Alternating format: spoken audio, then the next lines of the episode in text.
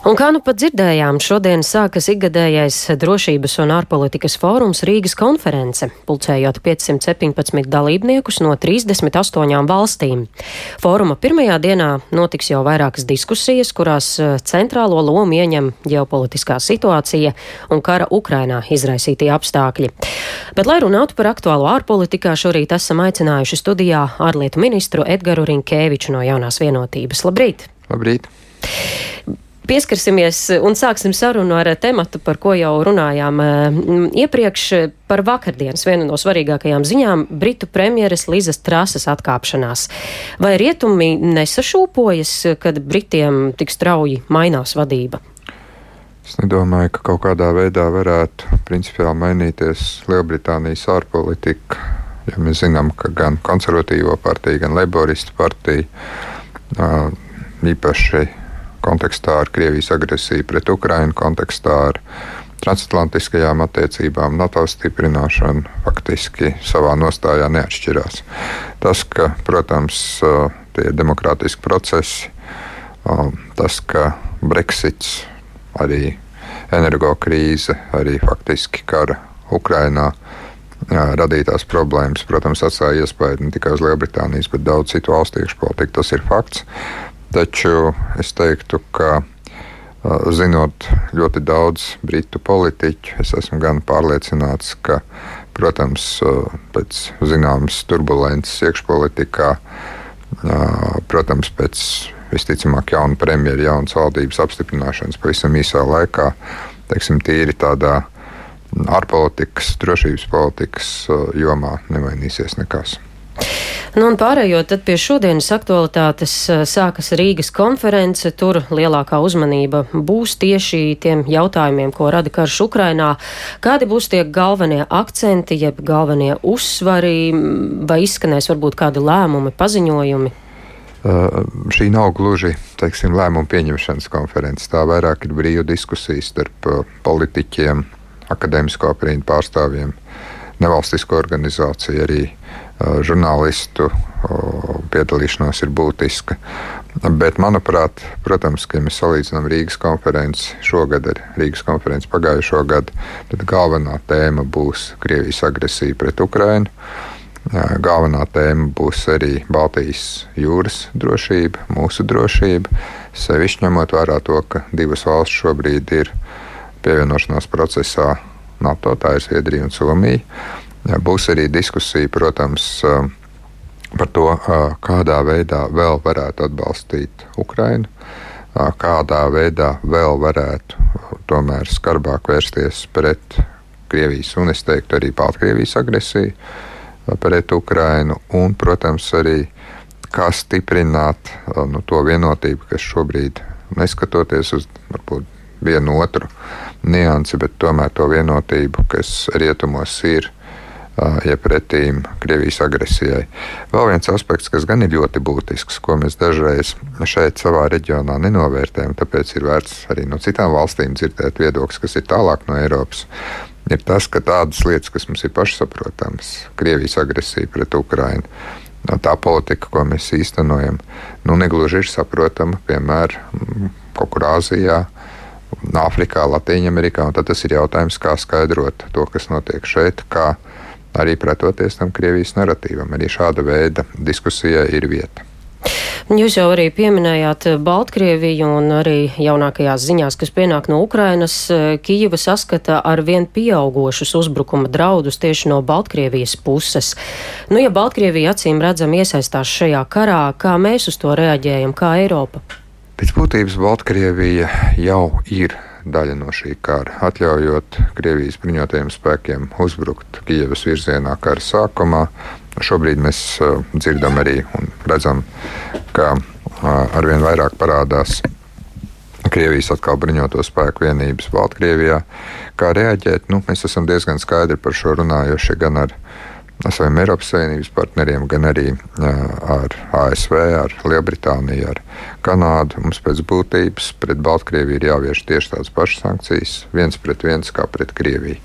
Tur ir nianses, ir kaut kādas teiksim, sankcijas, kas ir vērstas pret Krieviju finanšu tehnoloģiju sektorā, kuras nav vērstas pret Baltkrieviju, bet mūsuprāt, mums ir jāsinhronizē faktiski šī sankciju politika pretīm Krievijai un Baltkrievijai. Par šī kara gaitu un šobrīd uz ko tas viss velk, par ko liecina šobrīd tās Krievijas agresijas izpausmes, kara stāvokļa izsludināšana okupētajās teritorijās, evakuācija no Hersonas, ko mēs varam sagaidīt? Nu, tas, ka Krievija absolūti pretlikumīgi ne tikai okupē, bet tagad arī ir anektējusi, un es saku pretlikumīgi, uh, to starptautiskā sabiedrība ANO neatzīst vēl uh, daļu no Ukraiņas teritorijas. Tas tikai parāda, ka tas ir tāds signāls gan savai sabiedrībai, gan starptautiskai sabiedrībai, ka Krievija centīsies cīnīties līdz galam. Tieši par šīm teritorijām, pasludinot tās par savām.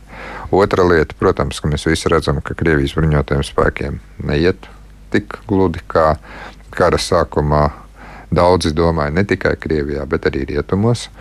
Un ka faktiski Ukraina ne tikai spēja aizstāvēties, bet arī uzbrukt un sākt atbrīvot savas teritorijas. Un, protams, ka tādā situācijā nu, es domāju, ka dažāda veida Krievijas asimetriska rīcība, un mēs jau redzam, uzbrukumi civilu objektiem, raķešu apšaudas pret kritisko infrastruktūru, ka Krievija pāriet uz tādu brutālu ne tikai kara, bet arī faktiski es teicu, teiktu, genocīdu taktiku pret civiliedzīvotājiem, cenšoties salauzt Ukraiņu gribu. Nāk ziema, tiek bombardēti elektroobjekti, elektroapgādes objekti, kritiskā infrastruktūra cerībā, ka Ukraiņi salūzīs, bet nu, šobrīd izskatās, ka Ukraiņi patiesību sakot tikai savā cīņas parā nostiprinās. Un vienīgais, ko mēs varam šeit darīt, ir vēl vairāk sūtīt atbalstu Ukrainai. Tas ir tas, ko dara Latvija, ko dara citas valsts, vēl vairāk palīdzēt finansiāli un ekonomiski, un vēl vairāk arī faktiski skatīties tās iespējas, kā ne tikai ieviest jaunas sankcijas, tiek gatavot 9. pakete, bet arī skatīties, kur varētu faktiski uh, vēl uh, precizēt tās sankcijas, lai izvairīties no viņu īstenošanas, nebūtu iespējams. Un, ziniet, vakar bija tāds gadījums, kur uh, gan ASV, gan Latvijas tiesība aizsardzības iestādes aizturēja vairākus Latvijas pilsoņus, kas centās um, faktiski apiet šīs sankcijas, tā saucamo strateģisko preču eksportu un importu kontrolas režīmu.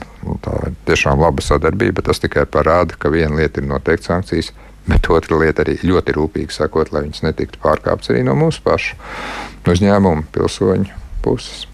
Par šo Latvijas uh, ārpolitikas kursu šobrīd mums notiek uh, koalīcijas veidošanas sarunas, uh, būs jauna valdība.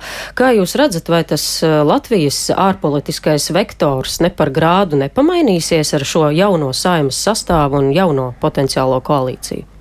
Ja mēs runājam par tām pamatlietām, teiksim, mūsu nostāja ir ja pretīm Ukrainai, atbalsts Ukrainai un ļoti stingrā politika, ja pretīm Krievijai un Baltkrievijai, es nedzirdēju neko tādu šobrīd tajās sarunās, kurās esmu piedalījies par pamatprincipiem, kas varētu apšaubīt Latvijas ārpolitikas kursa maiņu. Kas gan ir būtiski? būtiski ir tas, ka viena lieta ir Tātad šīs deklarācijas, otra lieta ir arī praktiskā izpilde. Un, uh, mums arī būs, uh, protams, daudz jāstrādā šajos uh, krīzes apstākļos, lai, piemēram, ne tikai uh, īstenotu uh, šo ārpolitiku tādā deklaratīvā līmenī, bet arī konkrēti, piemēram, piedalītos Ukraiņas rekonstrukcijas atbalstā, faktiski arī stiprinātu ārlietu dienestu, jo gan sankciju režīms, gan vispārējais, eh, ko mēs esam redzējuši pēdējo divu gadu laikā, sākot no Covid, ir uzlicis milzīgs slodzi ārlietu dienestam. Un līdzīgi kā citas arī ministrijas, es teiktu, ka ne tikai eh, ārpolitikas kursa saglabāšana vai, vai īstenošana ir svarīga, bet arī ārlietu dienesta stiprināšana. Un arī, protams, pienācīga eh, finansēšana būs viens no jautājumiem, kurus es likšu priekšā arī diskusijās jau par valdības izveidošanu, ka tas nonāks līdz valdības deklarācijai un pārējiem jautājumiem. Un vai jūs pats arī gribētu un būtu gatavs uzņemties ārlietu ministrā amatu arī turpmāk? Ziniet, mums ir tāda ļoti stingra vienošanās, ka mēs nekomentēsim nevienu portfeļu sadalu līdz brīdim, kamēr uh, nebūs panākt vienošanās par ne tikai koalīcijas izveidu, bet par darāmajiem darbiem. Jā, nu paldies tad par sarunu. Sekosim līdzi sarunām par koalīciju. Un šajā brīdī tātad studijā bija ārlietu ministrs Edgars Rinkēvičs no jaunās vienotības.